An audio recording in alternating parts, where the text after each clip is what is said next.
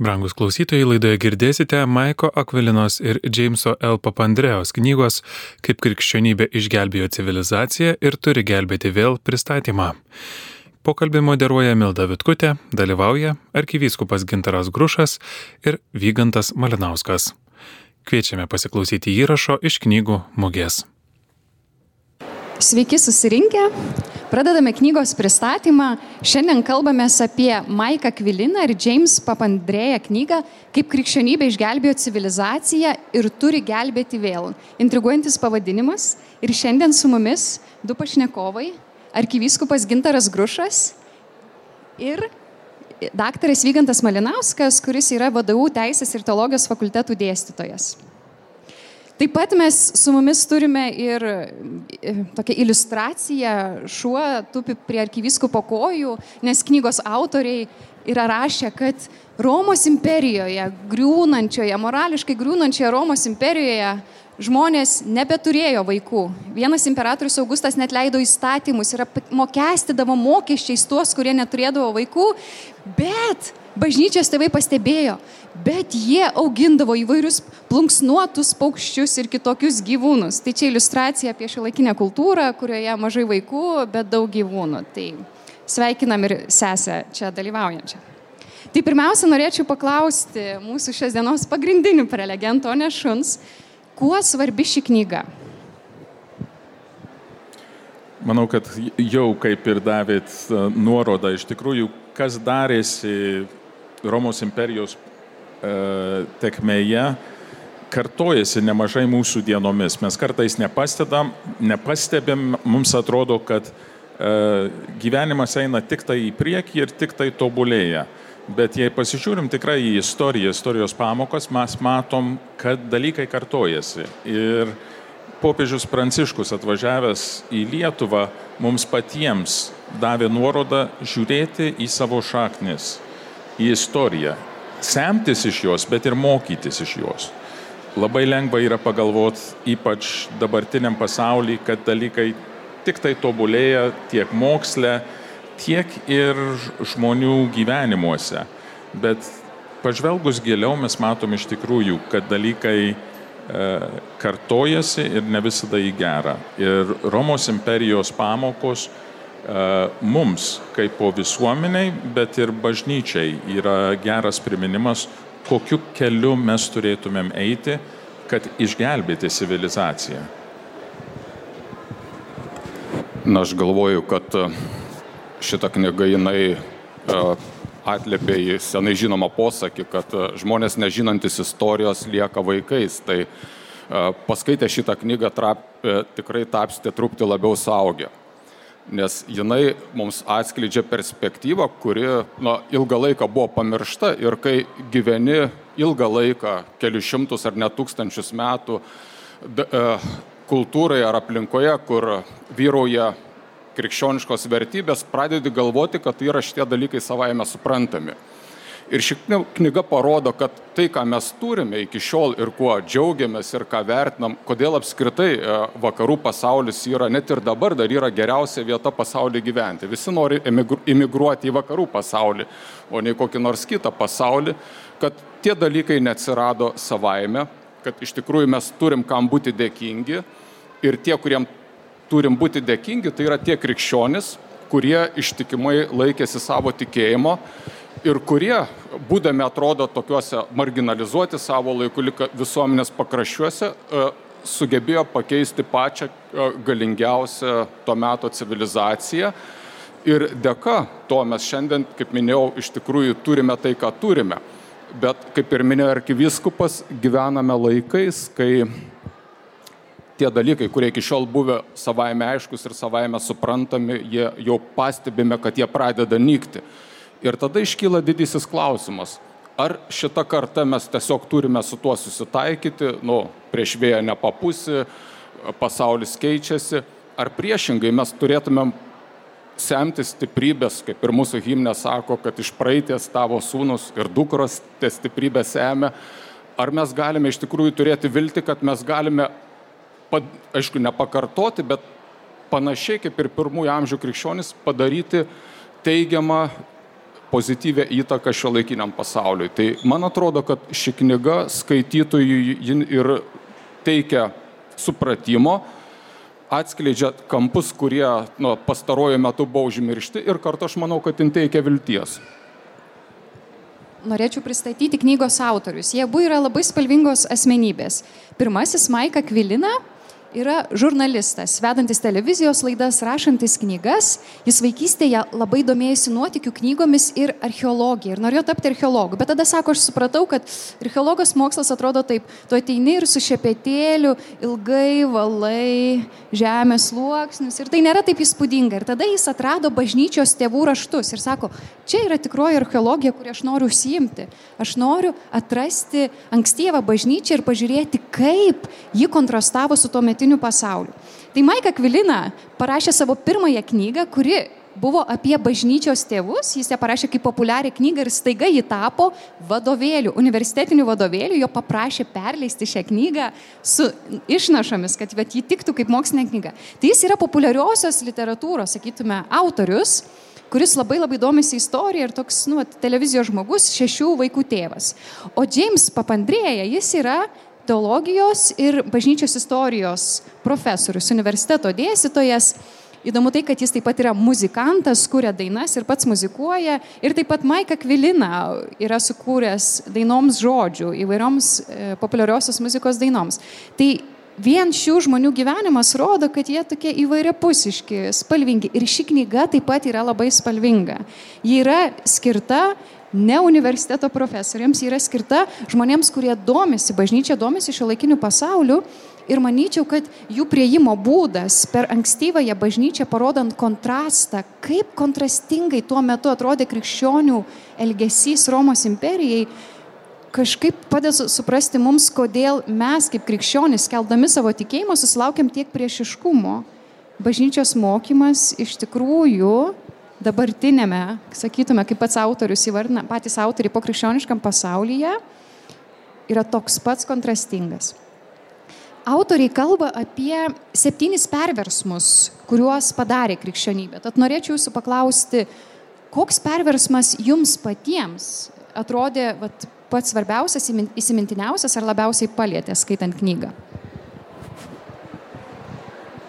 Manau, kad Sunku įsirinkti vieną, nes tikrai yra istorijos tekmė, kaip pasaulis kūrėsi, civilizacija, bet paimsiu religijos, todėl kad man atrodo, kad e, religijos vieta visuomeniai e, paliko mus ir kitose srityse su labai trumpa atmintim.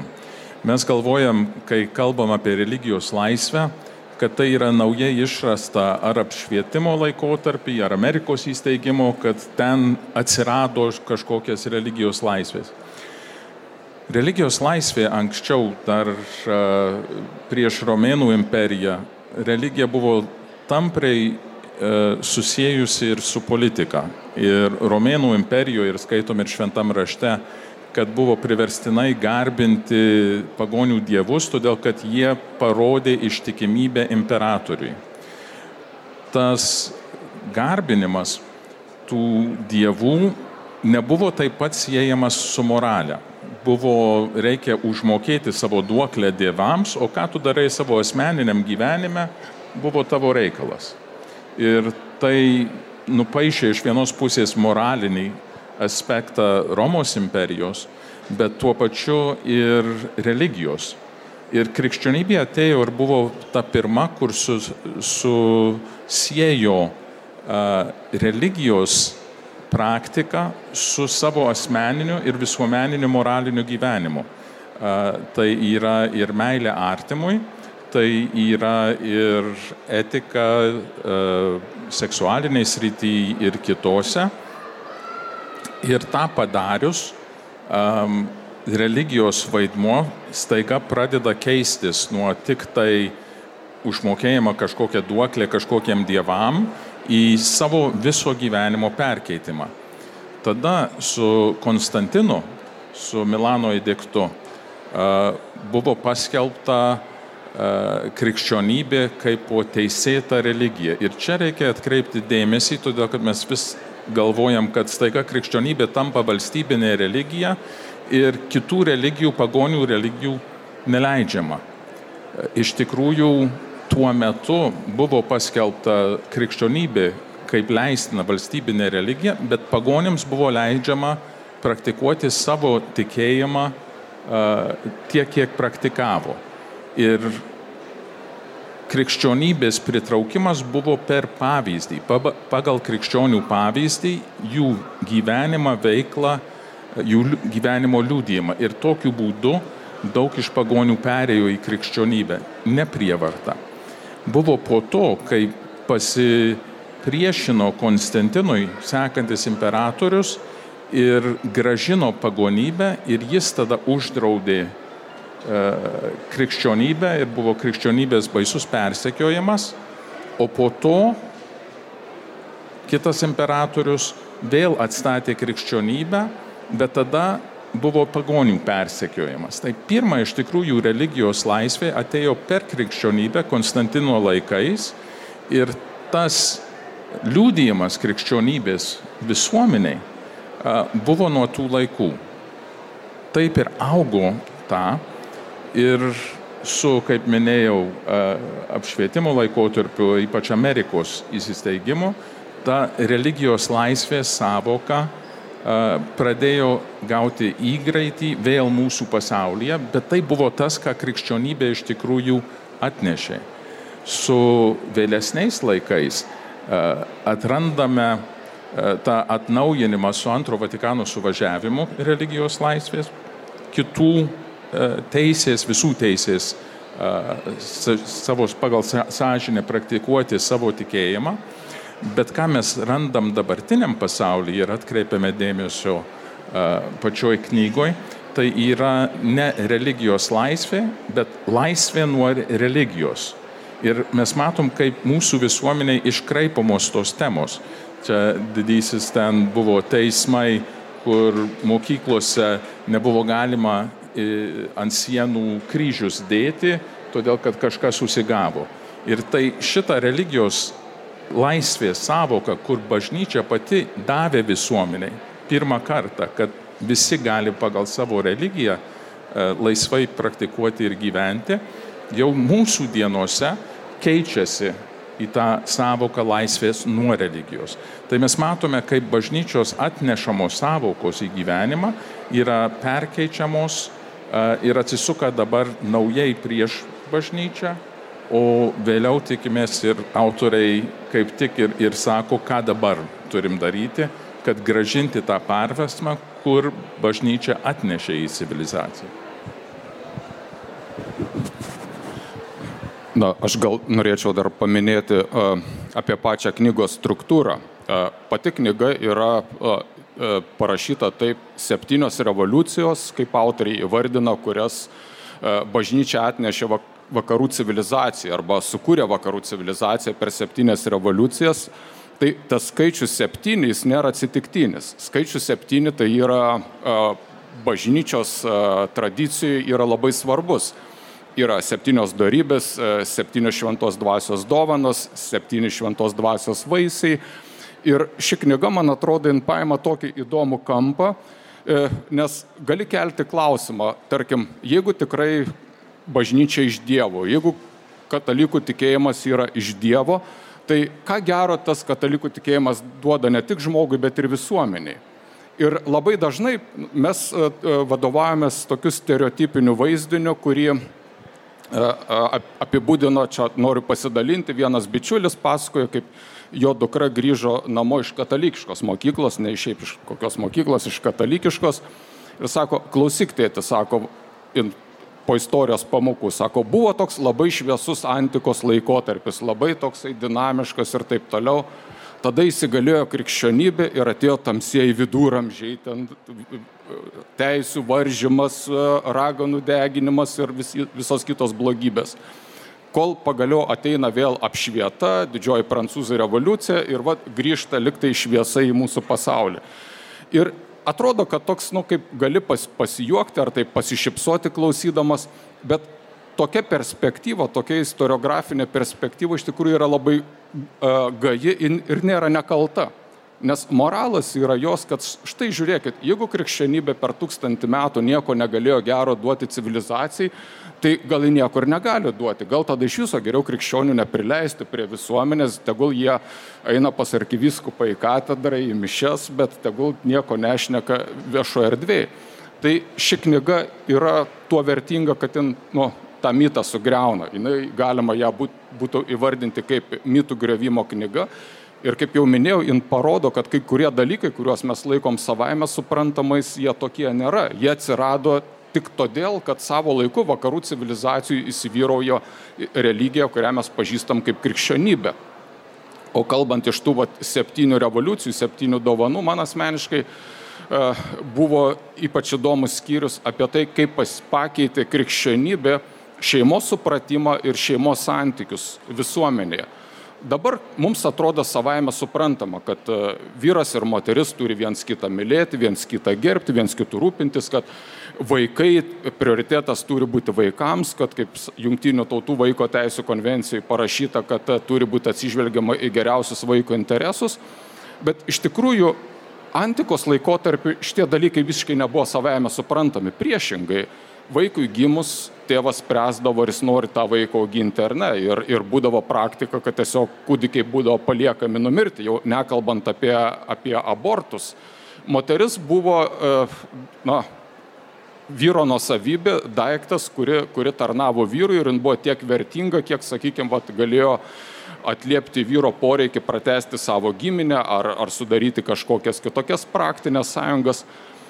Antikos pasaulyje nieko panašaus nėra, kaip mes dabar suprantam, kad vyras turi būti ištikimas žmonai, ją gerbti, mylėti, dėl jos aukotis. Ne, šitie dalykai ateina tik tai su krikščionybė ir autorius šitoj knygai, autoriai tiksliau, jie puikiai pailustruoja tą revoliucinį perversmą. E, mūsų laikais žodis džentelmenas atrodo, nu, kaip ir savaime suprantamas. Antikos laikais neegzistuoja džentelmenai yra, yra, arba jeigu galima, autoriai beje mini, pavartoja tą žodį džentelmenas, bet džentelmenas antikos laikų nieko, nebendro, nieko bendro neturi su uh, pagarbelgėsiu su moterim. Džentelmenas tai yra tarp vyrų, reiškia džentelmenai. Tai ši knyga ir nu, vat, šitas skyrius, kaip ir kitas, tiesiog autoriai parodo, kokie įvyksta radikalūs pokyčiai. Įvyksta radikalūs pokyčiai būtent dėka to, kad įsivyrauja religija, kuri mato žmogų, kuris yra kaip vyras ir moteris visiškai kitoj perspektyvoje. Ir ta perspektyva, jinai atveria galimybę atsirasti naujam santykiam, kurie dar vis, sakykime, išlieka socialinė norma ir mūsų laikais. Aš tik pridėčiau, kad minėjau pradžioje, abu autoriai yra ankstyvosios bažnyčios tyrėjai, patristikos tyrėjai. Ir ko, ką rasite šioje knygoje, labai nemažai ištraukų bažnyčios tėvų, kaip jie kritikuoja antikinę kultūrą arba kaip, bažny, e, kaip bažnyčios žmonės, krikščionys apskelbiami nebūtais dalykais ir jie tada aiškina, koks yra mūsų tikėjimas ir kaip susilaukia pajokos. Tai šita iliustracija įvairių bažnyčios tėvų iš tikrųjų labai puikiai iliustruoja kontrastą, kokia yra aplinkinė kultūra. Ir tas skyrius apie šeimą, apie vaikus ir moteris iš tikrųjų yra sunku skaityti skyrius, nes ten kalbama ne tik apie tai, kaip sakė Vygantas, kaip tėvas gimus vaikui nusprendžia, ar jisai jo nori ar nenori, sveikas, nesveikas, Ar mergaitė, ai ne, per daug kainuoja, nepatogi, bet vaikai buvo išmetami į šiukšlynus. Ir, ir tuomet, jeigu išlikdavo gyvi, juos susirinkdavo, tai daugiausiai mergaitės, prostitucijai. Tai yra labai žiauri kultūra. Tai man labai dėkoju Vygantai už tą iliustraciją, kaip, kaip dabar pristatoma antikinė kultūra, kaip labai šviesi filosofų kultūra. Bet pats Aristotelis, cituojamas šitoje knygoje, sako, na, o tose valstybėse, kur įstatymiškai negalima išmesti vaikų, nu tada reikėtų jau pasirūpinti abortų. Tai iš tikrųjų ši knyga turbūt parodys kitokį antikinio pasaulio vaizdą ir kitokį supratimą, pažiūrėjau, apie stoikus, kaip labai susivaldančius, kaip jie žiūrėjo į savo gyvenimą ir taip toliau ir panašiai. Aš norėčiau paklausti tada turbūt pagrindinio klausimo. Knyga vadinasi, kaip krikščionybė išgelbėjo civilizaciją ir turi gelbėti vėl. Tai kaip krikščionybė turi gelbėti vėl dabartinę civilizaciją?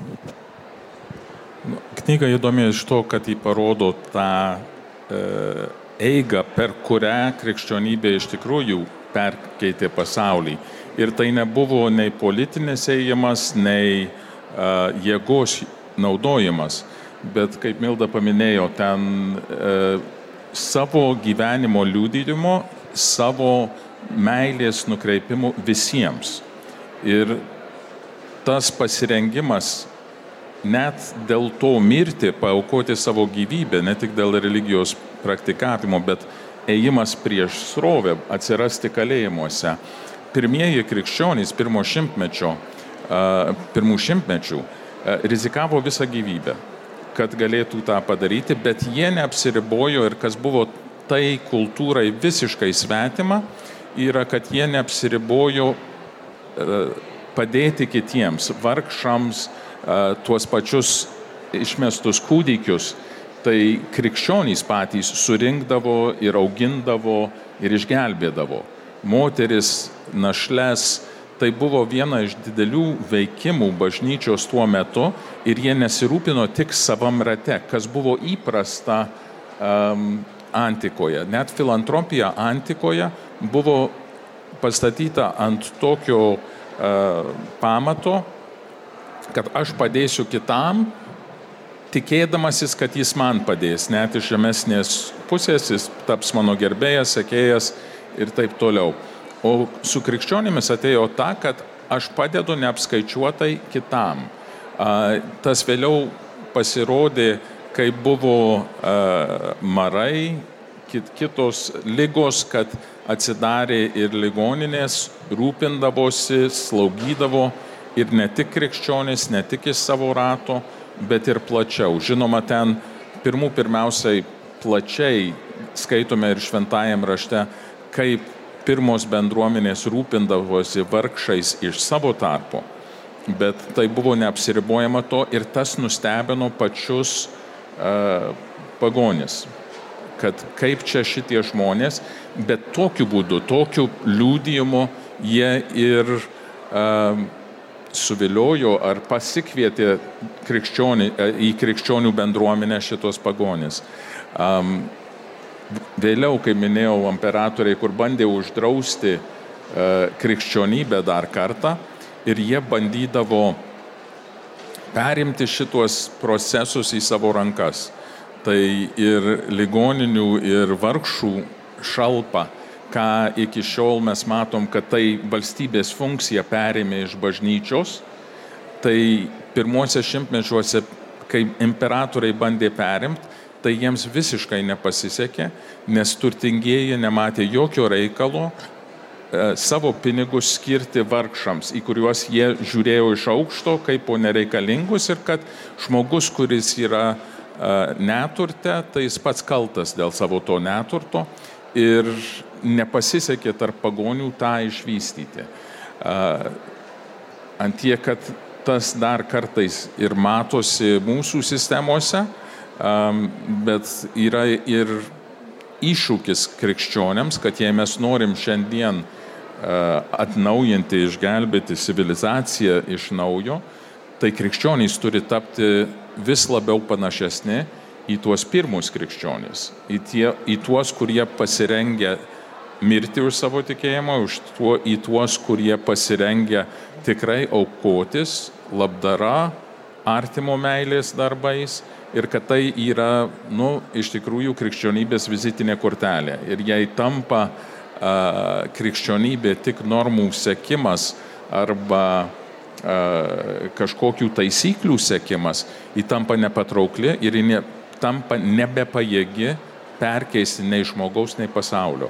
Tai knyga iš tikrųjų meta iššūkį dėl to pasaulio pakeitimo, civilizacijos atnaujinimo, bet ir tiems, kurie save laiko krikščionimis, meta labai didelį iššūkį ant kaip iš tikrųjų aš save matau kaip po krikščionių, kaip aš tą rodau pasaulyje, rodau savo asmeniniu gyvenimu. Tai ir bendras atsivertimas, ir asmeninis atsivertimas pabrėžimas šitoje istorijoje. Na va, aš, aš galvoju, kad e, čia šitoje vietoje turbūt yra vienas svarbus niuansas. Trupti bandau su arkiviskupu polemizuoti. Šiaip tokia dabartinė paradigma, kad nu, vat, mes turim liūdyti savo gyvenimu, krikščioniško gyvenimo grožį, Kristaus meilę ir, ir, ir, ir vien tuo mes pakeisime pasaulį. Ir tai yra tiesa, bet man atrodo dar ne visa tiesa. Iš tiesų, būti krikščionimi ir liūdyti, bent jau ką parodo autoriai pirm, pirmais amžiais, tai buvo pasireng, reiškia būti pasirengus mokėti kainą už savo tikėjimą. Kitaip tariant, krikščionis jie neturėjo tokios iliuzijos kaip, nu, arba tokio optimizmo, kurį turėjo seno, graikų filosofai, pavyzdžiui, Sokratas, kuris sakė, kad e, jeigu žmogus žino, kas yra gerai, jis automatiškai elgsis gerai. Ne, krikščionis žino, kad vis tik tai mes, e, net ir žinodami, kas yra gera, nuo savo aplinkoje, savo patirtį tą puikiai matome, vis tiek galime būti linkę į blogį Ir blogis jis nėra pasivus, blogis yra aktyvi jėga, kuri veikia per žmonės. Nu, vat, šiandien irgi reikėtų paminėti, ar ne, yra metinės Ukrainos karo. Vat, mes matom, kas yra aktyvus e, blogis. Ir kai tu susiduri su aktyviu blogiu, tarkim, atgyveni tokioje valstybėje, kur, kur yra agresorė, neužtenka tik tai būti šiaip gerų piliečių. Bet tu turi tada apsispręsti, ar tu išstoji ir tu pasakai, kad tai yra dalykai, kuriem aš negaliu pritarti tu puikiai žinai, kad jeigu tu tą padarysi, tu gali sugriauti savo karjerą, prarasti pajamas, prarasti socialinius ryšius, galbūt būti pasodintas į kalėjimą, gal, galbūt galiausiai būti nužudytas. Tai man atrodo, va, ką autorius parodo, kad iš tiesų, jeigu tu nori pakeisti kultūrą ar civilizaciją, jeigu nori, tai neužtenka tik tai būti šiaip geru žmogumi, bet pirmiausia, tu turi būti pasirengęs gyventi tiesoje, net jeigu už tą gyvenimą tau reikės sumokėti kainą, kad ir kokią didelę. Ir, ir krikščionis tą darė. Čia, ką ir arkiviskupas minėjo, ir knygoje yra akcentuojama, kaip prasidėjo krikščionių persikėjimai. Na, krikščionių, nors jau prieš pat persikėjimų pabaigą, jų Romos imperijų buvo labai daug. Jie nedarė revoliucijos, jie nedarė sukilimo, jie nebandė nuversti valdžios, E, bet jie irgi neužsidarė tik tai savo privačioj erdvėje, jie nuolat pabrėždavo, kad mes negalime tarnauti blogiui. Mes turime dalykus vadinti tikrais vardais, kad tai, kas yra dora, yra dora, kas yra nedora, nedora. Ir jeigu jūs mane verčiate prisidėti prie to, kas yra nedora, tai aš verčiau sutiksiu nukentėti, sumokėti kainą, negu kad eiti į kompromisus. Tai čia, man atrodo, yra tas labai svarbus krikščioniško liūdimo aspektas, kuris mūsų laikais lab, nu, pamirštamas. Va, tai jeigu ten krikščioniškai aplinkoje, kas yra liūdimai, tai atsistojant sienos žmogus ir papasakoja, kaip jam kažkokių gražių dalykų nutiko gyvenime. Pirmiem krikščionim liūdimas yra martyrum. Reiškia, tu paliūdėjai tada, kai tu sumoki kainą už savo tikėjimą. Dar galiu pridėti čia skaitant knygą vienas dalykas, kur man įstrigo, ant kiek yra panašus vėl Romos imperijos laikas ir šiandienos laikas. Net pavyzdžiuose, kur apie bažnyčios tėvus, kurie savo žmonės mokė e, visuomeniai, kur buvo e, lytinis paleistuvavimas, palaidumas, kai buvo pilnas smurto ir tas smurtas buvo būdas žmonėms pramogai. Mes žinom apie, kai krikščionis metė gyvuliams tam kovom. Bet bažnyčios tėvai mokino, kad neužtenka tik nedalyvauti tuose dalykuose. Jei juos stebi, jei nueini ir ten buvo tokios pramogos, ar, ar kur žmonės prieš žmonės ar prieš gyvulius žūsta, ar e, paleistuvystės teatre scenas, tai tu nusikalti tiek pat, kiek tu nusikalti dalyvaudamas ir todėl krikščionėms nedėra net ir ten dalyvauti.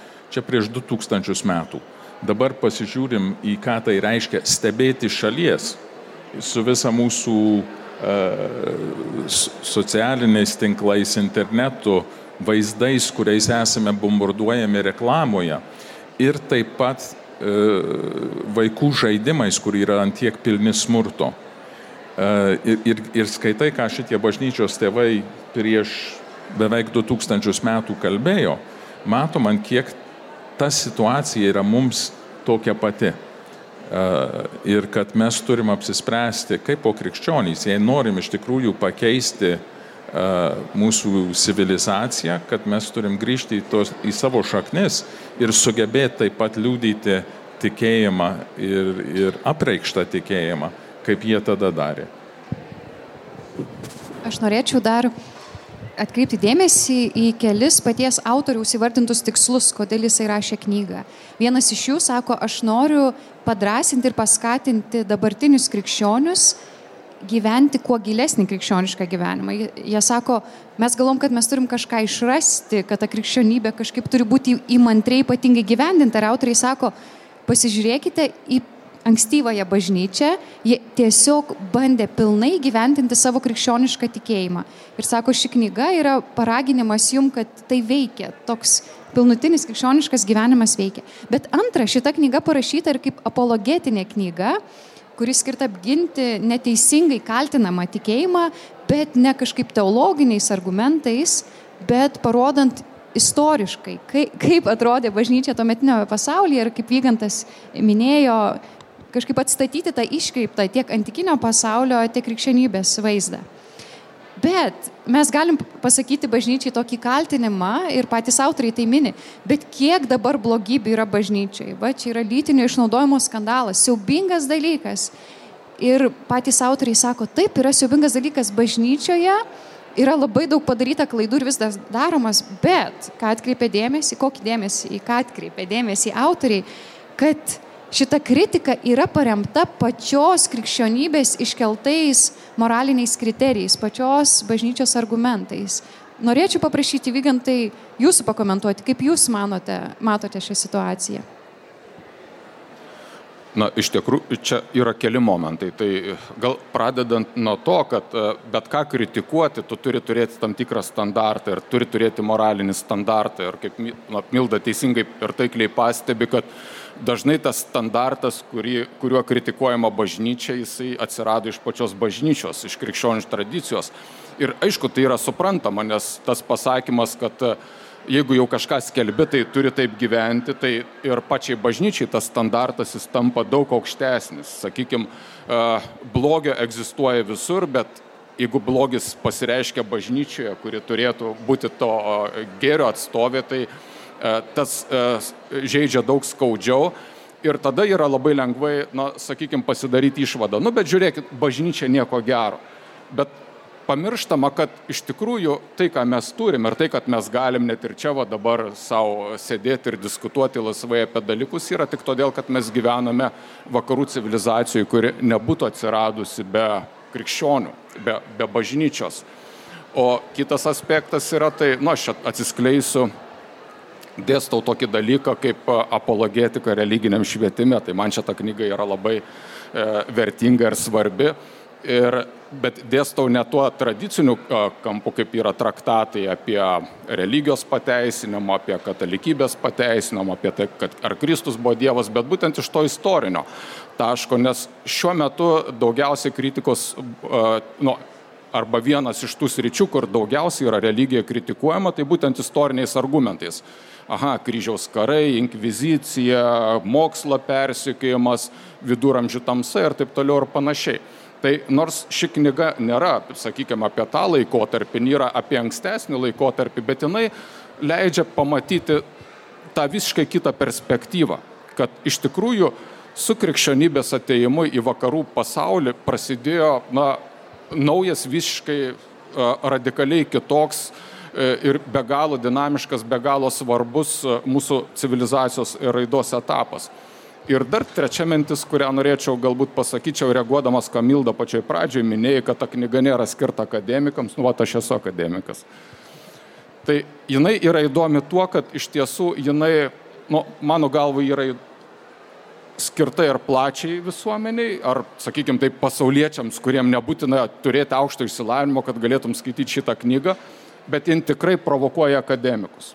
Ir aš manau, kad ta knyga taip pat įdomi akademikams, nes mane pati, nors jau tai nėra ta materija, man nežinoma, po šitos knygos paskaitimo aš eisiu dar skaitysiu kai kurios bažnyčios tėvus ir kai kurios dokumentus, nes man jie sušvito visai naujai ir supratau, kad jie gali dar atskleisti naujus kampus. Tai žodžiu, tai yra knyga, kuri na, stimuliuoja ir mąstymą, ir stimuliuoja pokalbį. Tai tikrai verta ją paskaityti. Man jei tas stimuliuoja temą toliau plėsti, man įtinka ir tie žmonėm, kur nepažįsta bažnyčios istorijos, to šaknų, su, supažinti su bažnyčios tėvais ir kaip bažnyčia paveikia visuomenę, man į dar svarbiau būtų eiliniam katalikui, eiliniam krikščioniui net. Nes paskutinis skyrius, aš net jį pavadinčiau ilgą sąžinę sąskaitą, prie kurios galima ilgai pamastyti, kur link mes einam kaip po bažnyčia ir tuo pačiu kaip po individai krikščionys. Ką mums reikia daryti, jeigu mes norim iš tikrųjų gelbėti dabartinę civilizaciją, gelbėti mūsų visuomenę, stiprinti ją, gražinti ją prie savo stiprių šaknų. Ir ten tikrai viena iš tų, sakyčiau, nu, jie patys pasako, pristatė kokią dešimt puslapių tokių mąstymų, ką reikia daryti, tada paragina autoriai, grįžkite per šitą, pabraukite, ką jūs manot svarbiausia. Grįžkite vėl, pabraukite, ką jūs galvojat, kad man reikia padaryti. Ir tokia tikrai permastyti, kaip šitas paliečia mano gyvenimą. E, bet turbūt, jei, jei patiko man, kaip autoriai užbaigia, nes iš tikrųjų tokia raktinis frazė, e, turime prisiminti, kad mes esam bažnyčia tai nėra kažkokia bažnyčia tenai. Ir, ir kaip arkivyskupas dažnai tą uh, gaunu priekaištą, kad jūs bažnyčia, ar jūs bažnyčia turi eiti ir kalbėti uh, dėl kažkokio pakeitimo visuomenė. Tai su tuo sutinku, bet nesutinku, kad tai tik tai hierarkai ir neturėtų būti hierarkai.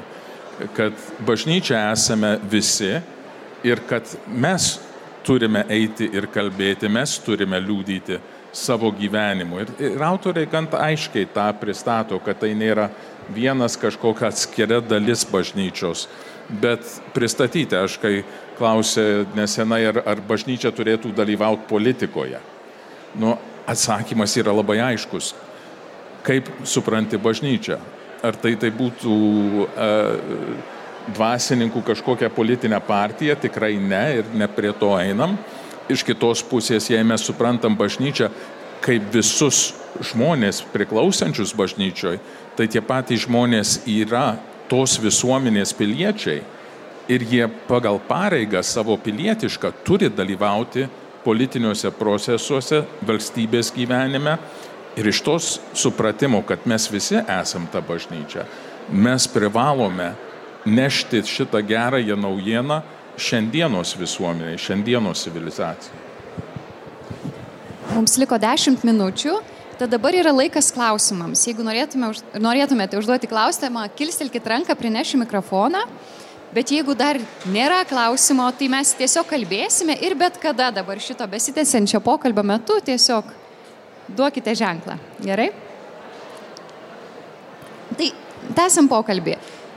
Vygantai, kadangi užsiminėt, kad per savo apologetikos paskaitą remitės labiau istoriniu požiūriu, ar ne, tok, istorijos permastymų bažnyčios, tai noriu paklausti, tai koks momentas konkretus iš šios knygos atsiras dabar jūsų kurse?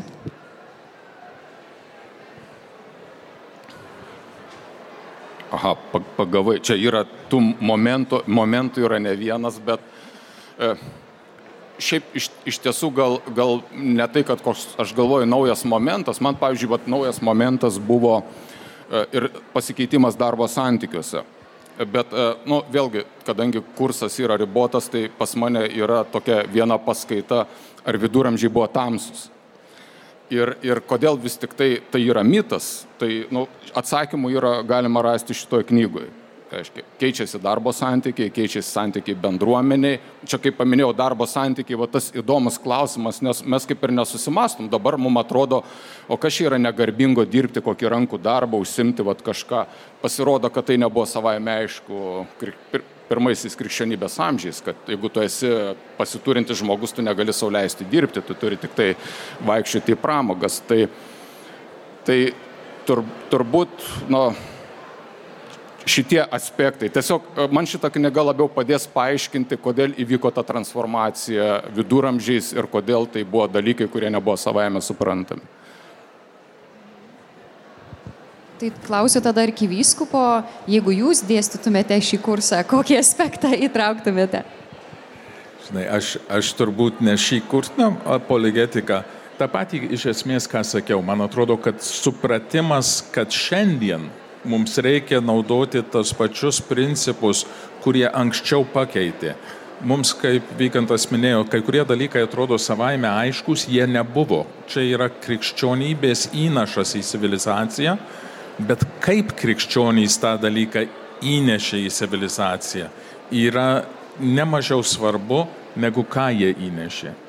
Jie savo asmeniniu gyvenimu liudijo ir tie pasikeitimai civilizacijų iš tikrųjų kilo iš apreikšto Dievo žodžio mokymo apie santykį. Santykį uh, savo šeimoje, kas jau buvo minėta, santykiai bendruomeniai tarp valstybės ir piliečio, santykiai um, tarp žmogaus ir Dievo. Uh, visi tie dalykai iškyla iš krikščionybės esmės. Ir jeigu mes sugebėtumėm liūdyti tą, mūsų visuomenė pasikeistų. Mane vienas politikas labai gražiai vieną kartą pastatė į vietą, kai nuėjau kalbėti apie abortų įstatymus Lietuvoje, gyvybės apsaugojimo. Sakė vyskupė, sako, mes visi politikai iš karto pakeliam rankas, kad uždrausti abortą Lietuvoje problemų nebūtų, jeigu jūs įtikintumėt savo katalikus, kad reikėtų neturėti abortų mūsų visuomenėje. Tai jei krikščionys iš tikrųjų būtų krikščionys pirmojo amžiaus ir būtų nusistatę visą kainą gelbėti gyvybės, tai reiškia kurti vaikų uh, prieglaudas, padėti moteriams, kurios svarsto, ar daryti abortą ar ne. Jeigu tikintieji imtųsi tą pačią poziciją kaip pirmo amžiaus tikintieji, perkeisti visuomenę, tai visuomenė būtų perkeista. Mūsų problema didžiausia, nu, keletą. Viena, kad mes nepažįstam savo šaknų, savo istorijos. Antra, mes turim pažiūrėti į save ir pažiūrėti, ar mes esam pasiruošę mirti už tą tikėjimą arba aukotis ne tik pinigais, bet savo darbu, savo reputaciją, kaip Vygantas minėjo. Ant kiek mes pasiruošę tikrai būti tie krikščionys, kurių buvimas perkeičia visuomenę. E, Jėzus sako, jūs esate žemės druska žemės druska kaip tik duoda tą skonį gyvenimui. Mes turim tą ypač dabar gavėnios metu. Tai ir šitą knygą, kaip sakau, paskutinis skyrius gavėniai, kaip po mąstymo medžiaga yra tobula. Sunki, bet tobula. Tai pabaigai toks provokuojantis klausimas. Na, ne visi šiuolaikiniai žmonės yra krikščionys, ta kultūra autorių vadinama pokrikščioniška, bet gal kaip nors būtų galima na, perimti kokius nors visuomeninius, politinius veikimo principus krikščioniškus, nu, bet be tikėjimo. Gal kažkaip tai pavyktų išlaikyti šitą civilizaciją. Ką atsakytumėt? Na tai čia ką ir arkiviskupas pasakė, kad jeigu tu tik tai perimi tuos principus, tai nu, yra taisyklių rinkinys. Tu gali parašyti patį gražiausią etikos kodeksą, bet pati, pats etikos kodeksas tavęs nemotivuoja o motivuoja tiesa arba žinojimas, kad e, bažnyčia žino gyvenimo paslapti. Ir tu per ją, tu gali tapti tos paslapties dalininku ir nu, tai buvo pagrindinė motivacija pirmo amžių krikščionims. Tai įkvėpė vakarų kultūrą ir aš manau, kad mes turime grįžti ir galime grįžti ir mūsų laikais prie to. Ta pa, sakė tą patį, ką aš sakiau, tai galiu pasikartoti. iš tikrųjų yra tas, kad mes turime grįžti į tą savo krikščionybės supratimą, kuris perkeičia uh, mūsų autentiškumas kaip po krikščionys, kaip ir pirmųjų amžių, yra tas, kas perkeičia kitą žmogų. Kalbėti apie tai ir ankstyvieji visi, kur bandė, uh, išnaša to, šaknys to, yra, kad žmogus dėja yra nuodėmingas, yra savanaudiškas ir tą istorijoje pamatė įvairių imperijų val, vadovai bandė tą įvesti pagal įstatymą ir tas neveikia, nes žmogus, kai pasiekia kažkokią e, momentą, kai tampa gyvenimas patogus, pasidaro savanaudiškas. Aš ten yra ta vieta šitoj knygoj, kur kalba apie tą permainą civilizacijų, kas 200 metų ir tik tokia vienas sakinys, kur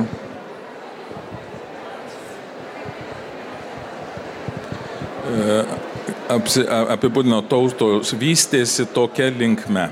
Nuo vergyjos iki dvasinio tikėjimo, nuo tikėjimo iki didžiulės drąsos, nuo drąsos iki laisvės, nuo laisvės iki gerovės, nuo gerovės iki savanaudiškumo, nuo savanaudiškumo iki pasitenkinimo, nuo pasitenkinimo iki apatijos, nuo apatijos iki priklausomybės, nuo priklausomybės iki vergyjos. Tai mes matom tą ratą, kuris ir kai tik mes dabar kalbam apie ne tik laisvę, bet apie gerovės visuomenę, tai mes turim labai saugotis, kad nes netaptumėm pasitenkinti savem, apatiški ir priklausomi. Ir tada tampam vėl į tą vergyją. Dabar yra tas laikas, kur iš tikrųjų krikščionybė gali padėti labai daug mūsų visuomeniai ir pasauliui, bet mes patys turim apsispręsti iš tikrųjų, kad einam tuo keliu ir istorija parodo, kad gali būti didžiuliai pokyčiai. Tad noriu pabaigti atliepdama abiem prelegentam C.S. Lewis, autoriaus žodžiais, tiksliau autoriaus asmenė patirtim. Čia tas žmogus, kuris parašė Narnijos kroniką, knygą tiesiog krikščionybė, krikščionis, protestantas, apologetas. Vienam gyvenimo etape jisai bandė gyventi pagal sąžinę. Jis dar nebuvo atsivertęs ir tiesiog sakė, aš noriu gyventi taip, žinau, kas yra teisinga, dabar darysiu tai, ką žinau esant teisinga. Ir jam nepavyko. Jis suprato, kad man reikia išorinės pagalbos, nors aš žinau, aš pats negaliu. Tai ši knyga padrasinimas, paskatinimas mums visiems. Mes negalim vieni be išorinės pagalbos, bet ši pagalba yra. Ačiū Jums, ačiū mėly klausytojai, gražių kitų susitikimų. Sudė. Girdėjote Maiko Akvilinos ir Džeimso L. Papandrėjos knygos Kaip krikščionybė išgelbėjo civilizaciją ir turi gelbėti vėl pristatymą kalbėjo Vygantas Malinauskas, arkivyskupas Gintaras Grušas, pokalbį moderavo Milda Vitkutė. Klausėtės įrašo iš knygų mugės.